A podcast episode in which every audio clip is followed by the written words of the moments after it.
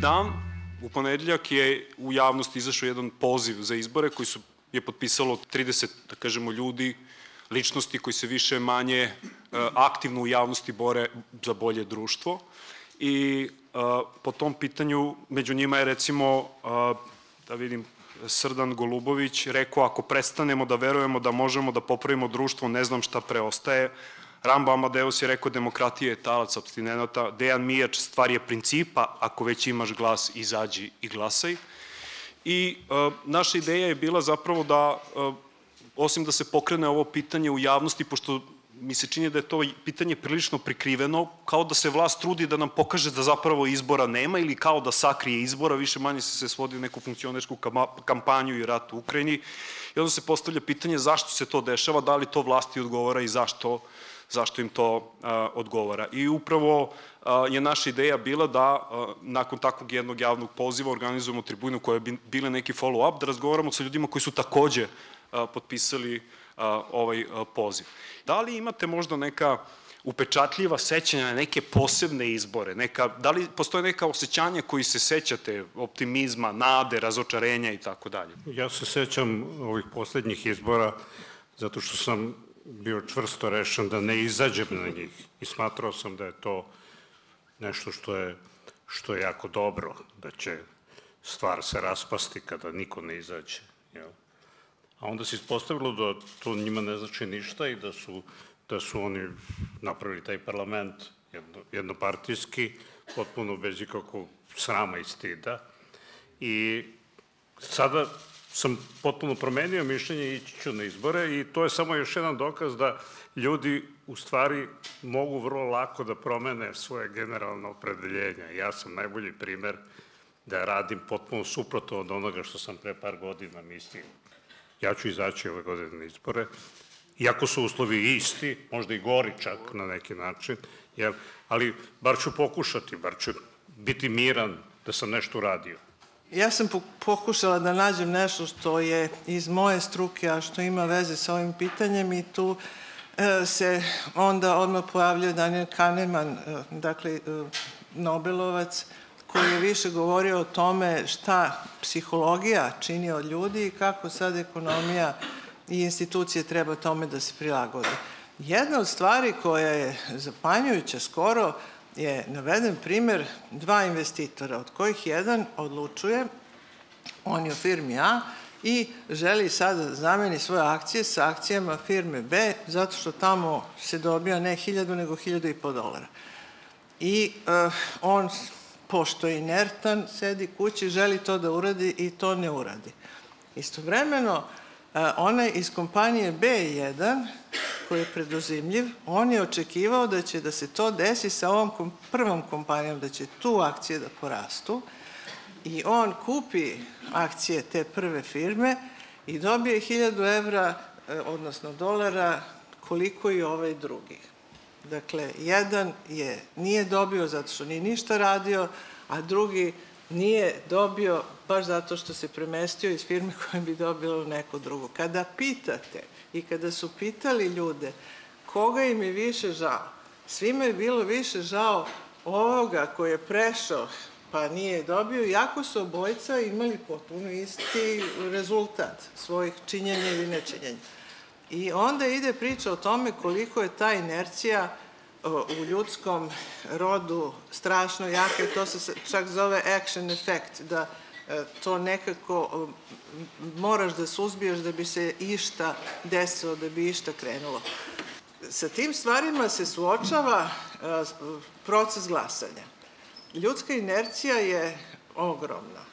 Jedan od prvih razloga, i to ćemo uvek svi se setiti, ma ko sam ja jedna ili jedan da će od mene nešto da zavisi, e, i to će biti najbolji alibi da ja uopšte i ne izađem.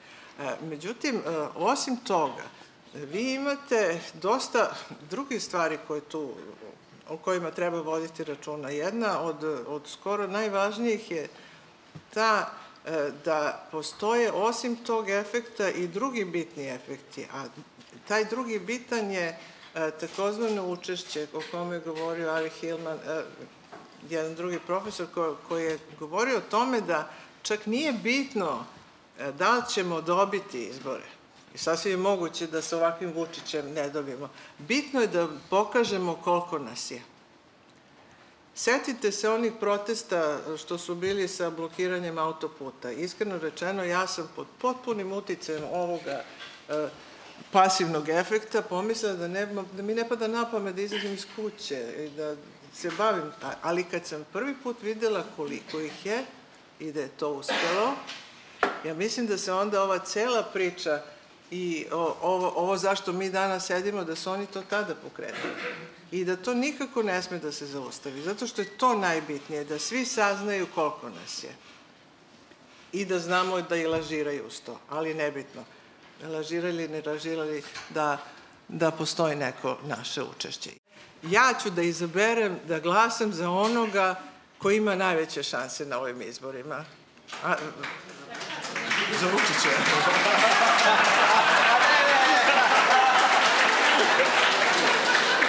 sad, znate kako, ako, ako nije za Vučića...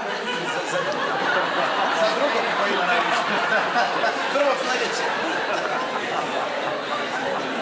Ja, dakle, nažalost, neko je rekao, to, to je jako dobro, da, da svi mi u stvari se gnjušamo, naročito tih izbora ličnosti, zbog toga što tražimo svoj odraz u ogledalu i dok ga ne vidimo, nama se taj baš i ne sviđa. I iskreno rečeno, ja kad gledam, nema mog odraza tamo, među ovima, i ja onda ću morati za Ponoša i za Vladitu Jankovića, mislim, Mada mi se ne dopada. Pa nije, pa Boga mi. Rambo Amadeus ima odličnu priču za onu mantru sjaši kurta da uzjaši murta i svi su isti i zaista mislim da, da je to jedino u interesu narativa vlasti, da, da nam ispira mozak sa svi su isti jer nikada nisu svi isti, makar na nivou uh, većeg i manjeg smrada nisu isti. Razlikujmo nijanse, u aromi. E, ok, pa ne, ali zaista, to je, e, svi su istije ili lenjost mozga, ili e, e, si potpao pod manipulaciju vlasti koji odgovara da izađu ova sigurno njihovo biračko telo, ti botovi e, plaćeni, ucenjeni, usmereni, zaprećeni i tako dalje, oni će sigurno glasati, a mimo njih potpuno je u interesu vlasti, ako možda, daj Bog da ne izađe niko, Svaka kritika, svakog kritičkog medija je lična mržnja prema ovoj vlasti ili, ovoj, ili prema Vučiću. Zašto dajete sebi takav kompliment? Zašto bih te mrzeo? Ravnodušan sam. Mogu da mrzim nekog koga sam voleo pa me razočarao pa ga mrzim. Ti mi nisi niko i ništa. Mogu samo da se borim za bolje društvo gde će moja deca jednog dana poželiti da ostanu. Dakle, to je lični razlog zašto izlazim na izbore. Da deca sada imaju 8 i 4 godine, kada porastu, završe fakultet, požele da ostanu u ovoj zemlji, jer bilo bi mi žao da mi odu. I ne mogu da verujem da većina ljudi u ovoj zemlji nema lični razlog. A ljubav prema zemlji nije mržnja prema Hrvatima, Šiptarima, Bošnjacima, muslimanima, ovima, onima, nego je upravo želja da budeš u takvoj zemlji koja će imati dobar komšiluk. Dakle, ajmo malo tradicionalizma, dobar, dobar domaćin. Hoćemo malo dverjani da budemo. Ok, ajmo da budemo, Boško Bradović. Dobar domaćin. A ko je dobar domaćin? Onaj čija će deca rizikovati da se pobiju sa Albancima, Hrvatima i Bošnjacima, ne. Dobar domaćin je onaj koji gradi takvo društvo, koje je prijatelj sa komšijama od kojih možda pozemiš jaje i brašno i da ti ženi da aparat za pritisak kad joj nije dobro a moj često nije dobro. Moje komšije su takve. I to je patriotizam. Da kritikuješ i glasaš ne iz mržnje, nego iz želje da ti bude lepša država i bolja. Što kaže onaj slogan, ako vam ništa ne smeta, onda ok, ili kako već glasi. Opšte je poznato da u ovoj zemlji vlada mafija. I kad pogledate, recimo, filmove u kojima se pojavljuju mafioze, jel? onda vi vidite da u toj hijerarhiji postoje postoji jedna tehnologija za, zastrašivanja, da je to glavni, glavno oruđe, što i ovde se očigledno dešava. Ljudi su zombirani, često se citira Hannah Arendt, jel? znate svi o čemu govorim, i e, ljudi jednostavno nemaju više kritičku svest. Jel? Ali tako je i u Brooklynu, kad jedan Bakalin otvori bakalnicu i pojavi mu se jedan zalizani mafiozo i kaže ja ću sada da štitim. On kaže, od koga da ne štitite? Od mene. Od mene. Od nas ću da vas štitim. Jel?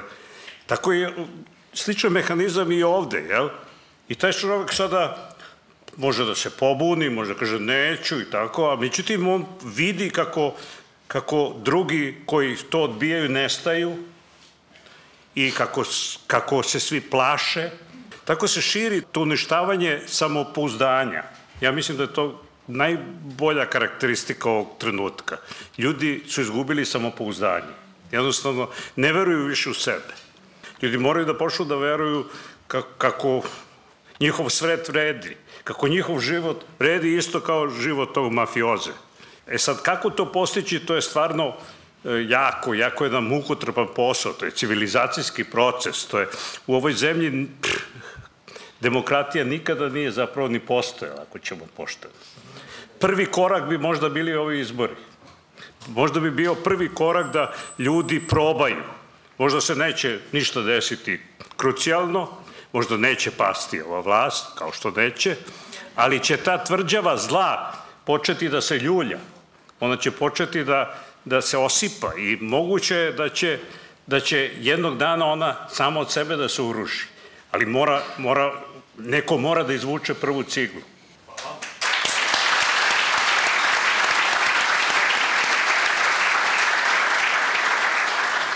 Ja sam uh, upravo završio neki dokumentarni serijal, jedno pet epizoda, uh, decenija vlasti. Ja sam se posle tog iskustva, kada sam završio seriju, osjećao pregaženo. Osjećao sam se kao da sam se otrovao. Ti kada vidiš taj čovek zapravo nikada nije izašao iz kampanje Sad pričamo o nekoj funkcionirskoj kampanji, da li je ima, da li je nema, šta se dešava, ali ti vidiš da ta kampanja traje bukvalno u kontinuitetu 10 godina. 10 godina. Recimo u jednoj epizodi, u jednoj, samo jednoj epizodi, sad što mi pada na pamet, imao, imao sam e, i Mariju Lukić i Jutku i Cvijanovo samoubistvo, pad helikoptera, dva minuta nesreće na naplatnoj rampi Stanike Gligorijević, dva minuta koji ne, nedostaju. Znači, samo u jednoj epizodi su se ređale te jezive slike, kadrovi, i ti zapravo vidiš u kako, kakvoj, si, kakvoj si zemlji živeo i u kom kontinuitetu zla si živeo, jeli? Tako da, za mene je to pitanje izaći ili ne izaći na, na ove izbore potpuno neupitno. Znači, ja imam teoriju da su današnji studenti, ova generacija, toliko abstinira zbog toga što su pred svojim očima videli poraz roditelja. Znači, mi smo praktično 30 godina neprekidno na ulicama. Znači, ja sam 30 godina proveo na ulici i e, danas nam je i dalje na vlasti Vučić i Dačić. I oni vide tu, tu, tu nemoć svojih roditelja da stvari nekako preokrenu i onda se zatvaraju u neke sobstvene udobnije i konfornije svetove. Ali opet ja pokušavam da razgovaram sa njima na način da im kažem da ako su rešili da ostanu, da žive u ovoj zemlji, onda oni jednostavno neće moći da ceo život doživljavaju poniženje. Znači, morat će da neke stvari uzmu u svoje ruke. Možda će im se ta e, svest prelomiti za godinu ili dve, ali ako misle da žive, teško će moći da žive ovak, na ovakav način. Jer po meni je, znači, pitanje ovih izbora jeste pitanje e, između dobra i zla i pitanje koliko cenimo lično dostojanstvo. Znači, ovo ne više nema veze ni sa političkim partijama, nema veze ni sa ideologijom. Ovo je pitanje toga da li ćemo da trpimo da nas što što je Goran rekao, mafija gazi, ponižava i dalje da uništava naše živote. Zato izađite na izbore, naravno.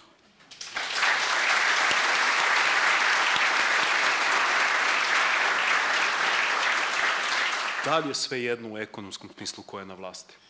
Mi smo zaista nazadovali i to strašno mnogo od kad je Vučić na vlasti. Postoji nešto što se u ekonomiji zove zamka srednjeg nivoa dohodka i neću puno da gnjavim.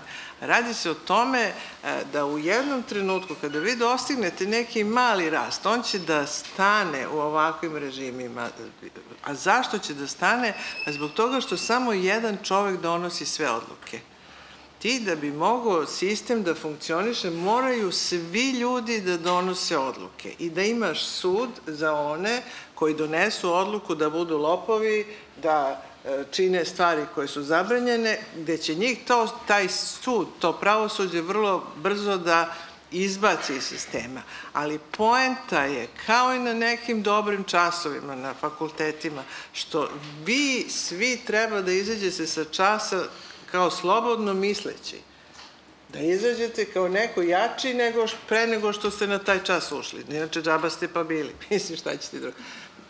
Na, na taj način se pravi i dobra država, da svaki pojedinac može da funkcioniše. Mi smo imali to negde na početku kada smo imali Đinđića na vlasti i tad je zaista krenuo jedan napredak. Međutim, u ekonomiji ima još jedno pravilo. Ti kad napraviš jednu meru, treba najmanje godinu, godinu i po dana e, da se pokažu dobri rezultati i onda sad svi govore danas da je Koštunica imao fantastične rezultate, u stvari su to oni Đinđićevi koji su tek došli e, na javu kada ovo već nije bilo. Dakle, e, šta ja hoću da kažem? Ono kad ti daš svima energiju u ruke, kao što je bilo posle tog 5. oktobra, da krene neki napredak, onda imaš i fantastičan rast.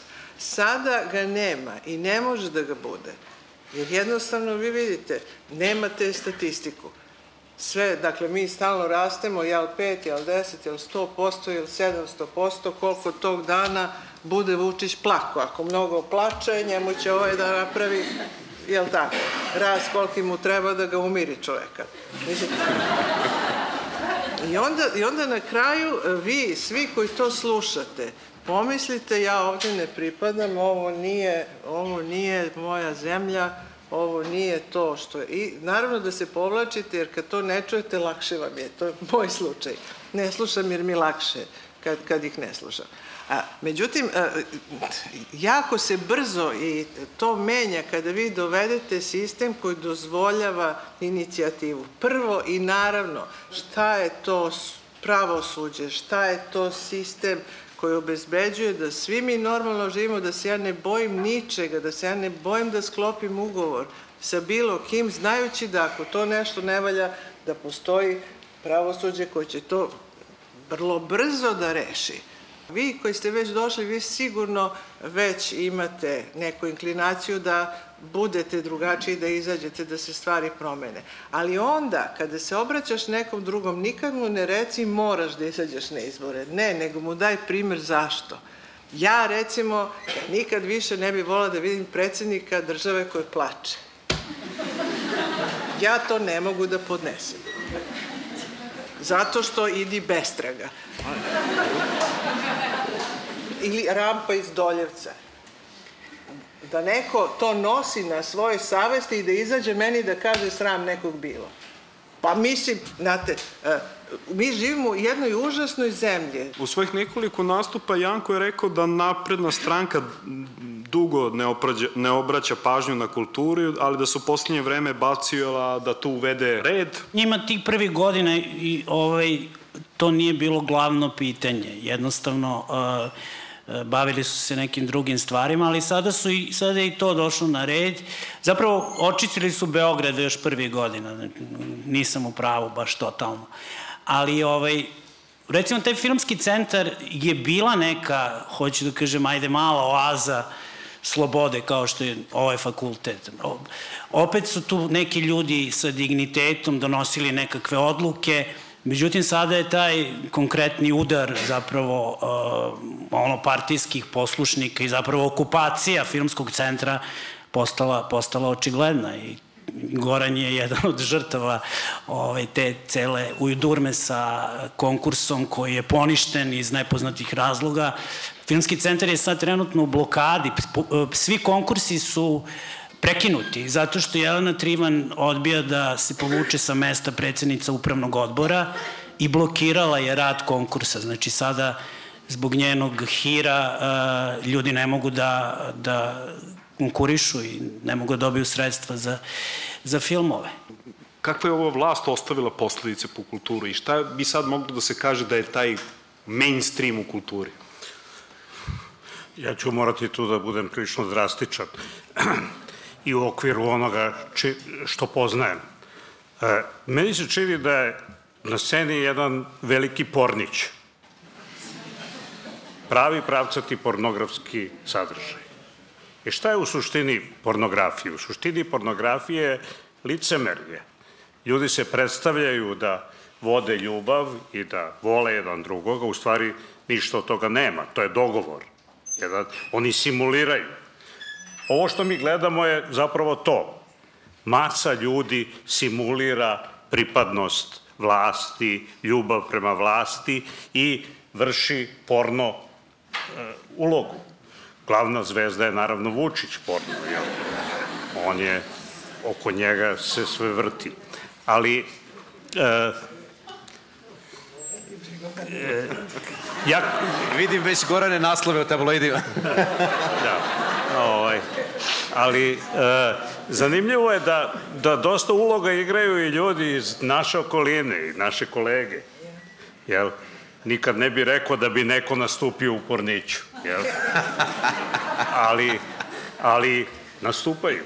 To je preneto sa, sa Pinka i sa tih, sa tih e, reality programa je pre, e, rašireno u društvu. Ja sam recimo bio, ovaj, letos su mi dali neku nagradu na festivalu filmskog scenarija u Vrnjačkoj banji.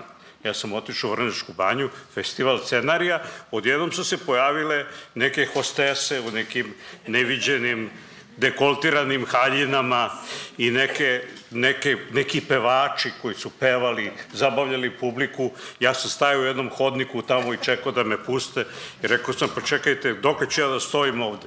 Oni su rekli, dok se ne završi ovaj program naš. Taj program je ličio apsolutno na, na Pink. A ne, ali Pink je preuzeo festival, jedan od najstarijih filmskih festivala da. u Srbiji, preuzeo je Pink. Da. A Goran je otišao i nije znao za to. Nisam... A si stajao do kraja? Pa ne, ja sam, naravno da sam stajao, pa mislim, šta da radim? Nisam ni mogao da izađe, bio uzak hodnik jedan. E, Goran Marković, stajao sam u porno filmu, ništa nisam radio. Samo sam gledao.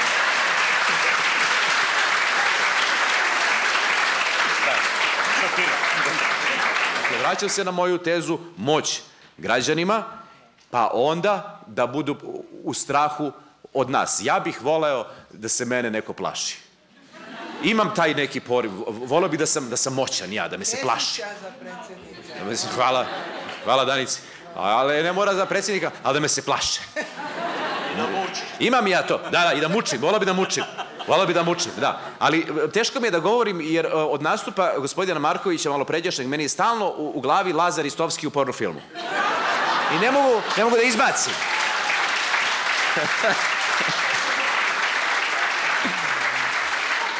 I još gore ne mogu da kažem da mi se skroz ne sviđa.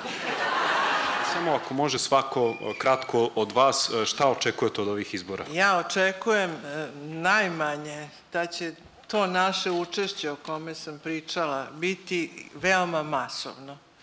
Da ćemo mi u svakom slučaju, evo gospođa se prikrstila pa ću i ja, pošto je zaista to neophodno u ovom trenutku, ja zaista očekujem da oni vide da je nas previše da bi mogli da se, što bi rekao Kesić, zajebavaju kako hoće. Tako je.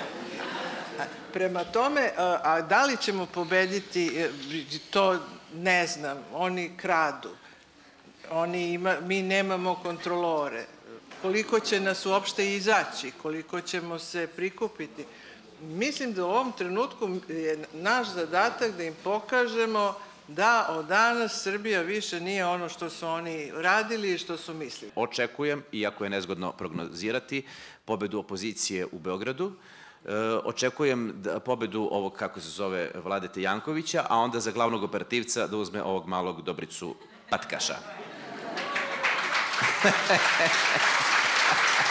Očekujem um, drugi krug predsjedničkih izbora, uh, pa onda na oruk nek se vidi šta će, makar nek se tresu. I najviše nade polažem u ovu listu uh, čiji je nosilac uh, Marinika Tepić i očekujem mnogo zanimljiviju skupštinu, tako da bih malo, ako može, da, da pobedimo laž. Eto, to, to prognoziram. Pa ja nisam baš takav optimista, ali... Ovo je moje nerealni optimizam. Da. Ja volim nerealni optimizam. Ali, moje životno iskustvo kaže da je borba važnija od rezultata. I da je činjenica da ćemo početi da se borimo protiv ovih ljudi i da će nešto to doneti nam daje mogućnost da jednog dana stvarno pobedimo. I nije, nije odlučujuće da li ćemo sada, da li će svi da padnu sa vlasti i da, da dođu drugi. Važno je samo da ta tvrđava zla koja sam vam nazvao počne da se ljulja i da počnu, oni će sami sebe pojesti. Oni su već u takvom stanju, tako da je vrlo bitno da ljudi u što većem broju iskažu da su protiv toga. Ništa više. Pa ja očekujem da jedan put iznenadimo sebe. Ovaj, Mislim, bilo je takvih slučaja u istoriji prijatno da iznenadimo, da. Bilo je, bilo je stvarno takvih slučajeva kada ovaj, ta energija nije delovala dovoljna za promenu, a desilo se nešto. Recimo, ja se sećam one nekakve još Đinđićeve kampanje pred te izbore, koja je bila onako prilično mlaka Niko i, i apsolutno malo i ljudi bilo na tim skupovima. Niko uopšte nije verovao da će ti izbori biti toliko ovaj, dramatični. Tako da ona ima, ona, ja volim da citiram Desanku Maksimović, onaj stih Srbija je velika tajna i mislim da je to pravi ovaj, da je ovo pravi trenutak za to. Eto, to, ajde da, da zaključimo malo optimistički.